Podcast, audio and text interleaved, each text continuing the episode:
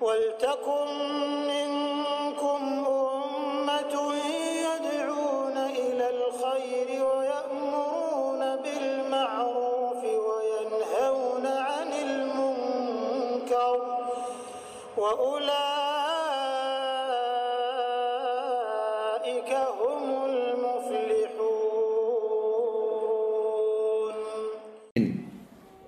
يقول الله عز وجل إلا الصيام فإنه لي وأنا أجزي به ترك شهوته وطعامه وشرابه من أجلي للصائم فرحتان فرحة عند فطري وفرحة عند لقاء ربي ولا خلوف مصائم أطب إن الله من ريح المسك terjemahannya sebenarnya puasa itu kata Nabi SAW puasa itu كل عمل ابن آدم semua maaf semua amal ibadahnya anak Adam sudah ditentukan kadar pahalanya. Bisa 10 sampai 700 kali lipat. Kecuali puasa karena dia milikku dan aku akan membalas secara langsung kata Allah karena dia meninggalkan syahwatnya makanannya minumannya karena aku. Apa makna di sini teman-teman sekalian? Semua amal ibadah anak Adam sholatnya bakti sama orang tuanya haji jihadnya sudah ditentukan kadar pahalanya 10 sampai 700 kali lipat. Artinya beda pahalanya antara orang misal antum mau sedekah keluar dari rumah membawa uang kalau di Indonesia saya bahasakan mungkin di sini real. Rupiah misalnya kita ambil uang yang paling besar 100 ribu uang yang paling bersih bahkan tidak ada le- leceknya sedikit pun. Kemudian kita taruh di kantong kita di sebelah kanan niat untuk sedekahkan. Dengan uang yang sudah lecek atau sudah agak tua ditaruh kantong kiri untuk kita belanja. Ini beda pahalanya dengan orang yang uangnya tercampur. Kalau ada orang miskin yang minta dia tinggal tarik mau lecek mau baru mau tua dikasih aja. Tanpa juga melihat nilainya besar atau kecil. Akan beda pahala. Ada kemasan yang positif di sini.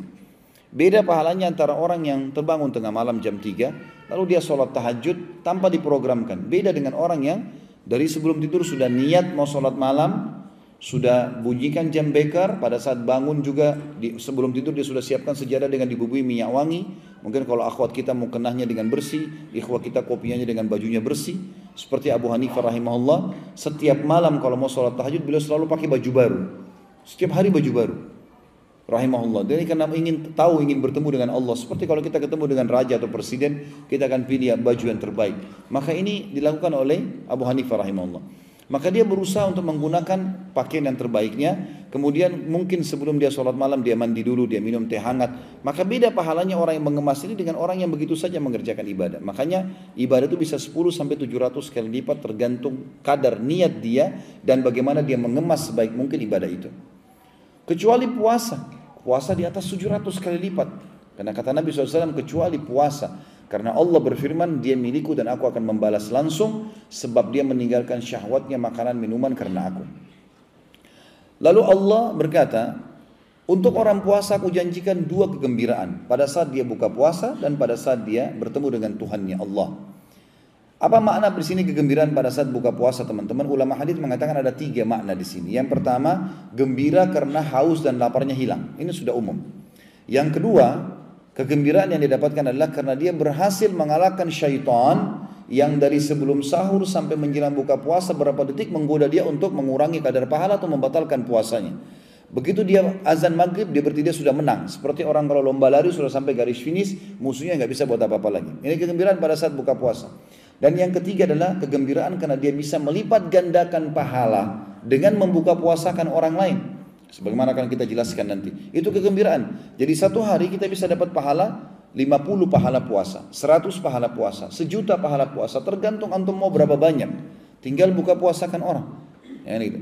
Maka kita akan panen pahala. Maka pada saat buka puasa kita akan gembira di sini orang-orang beriman karena dia akan panen pahala dia dan pahala orang yang dibuka puasakan.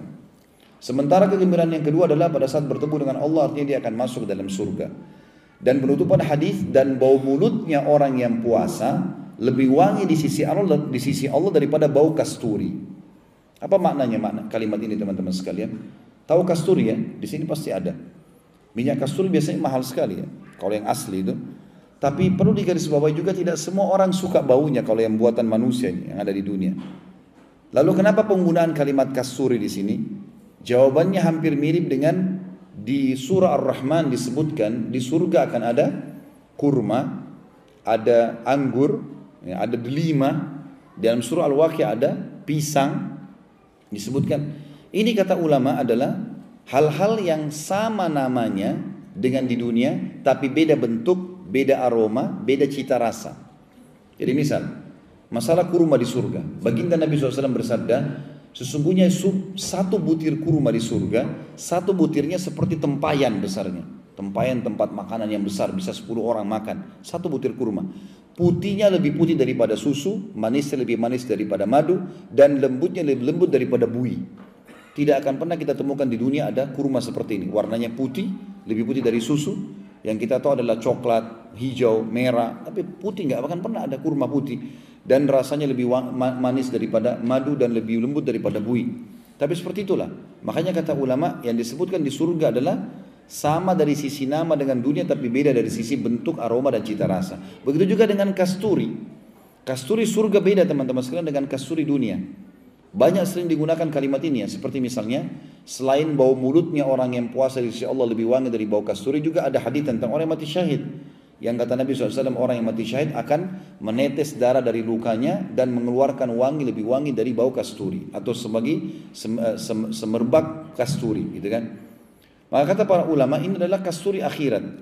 Dan yang dimaksud dengan kalimat uh, Nabi SAW, sesungguhnya bau mulutnya orang yang puasa di sisi Allah lebih wangi dari bau kasturi adalah ahli surga yang rutin puasa. Nanti kalau dia ngobrol dengan ahli surga yang lain dan di surga itu, mulutnya mengeluarkan bau kasturi yang wangi. Dan ini tidak berlaku bagi orang yang tidak puasa. Misal, ada orang meninggal tidak sempat puasa Ramadan. Mungkin kena kejahilan atau kena maksiatnya. Lalu dia masuk neraka dulu dibersihkan dosanya lalu dia masuk ke dalam surga. Nanti dia nggak dapat fasilitas itu. Jadi ini bukan maknanya teman-teman kalau kita baca dalam hadis misalnya teman-teman baca buku oh bau mulutnya orang yang puasa lebih wangi di sisi Allah dari bau kasturi. Bukan kita datang ke teman kita lagi puasa gini, ini cium bau mulut saya, kita tiupin ke dia.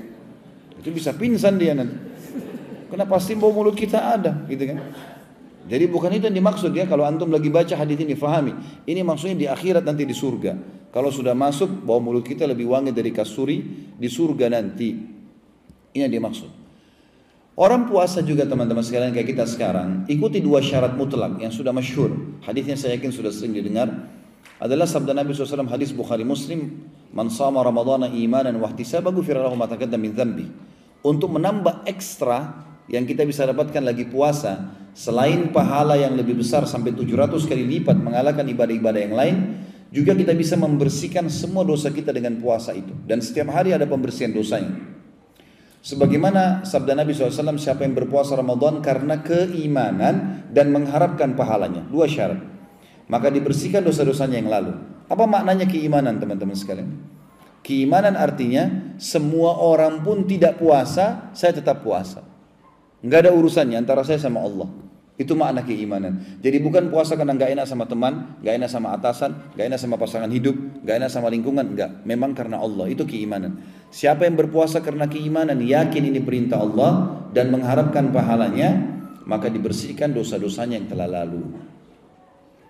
Puasa ini teman-teman harus diikutkan seluruh anggota tubuh kita puasa. Kalau tidak bisa sia-sia puasa kita. Mata harus puasa, telinga harus puasa, tangan puasa, kemaluan puasa, kaki puasa, semua puasa ini. Jadi bukan cuma perut saja dengan tenggorokan.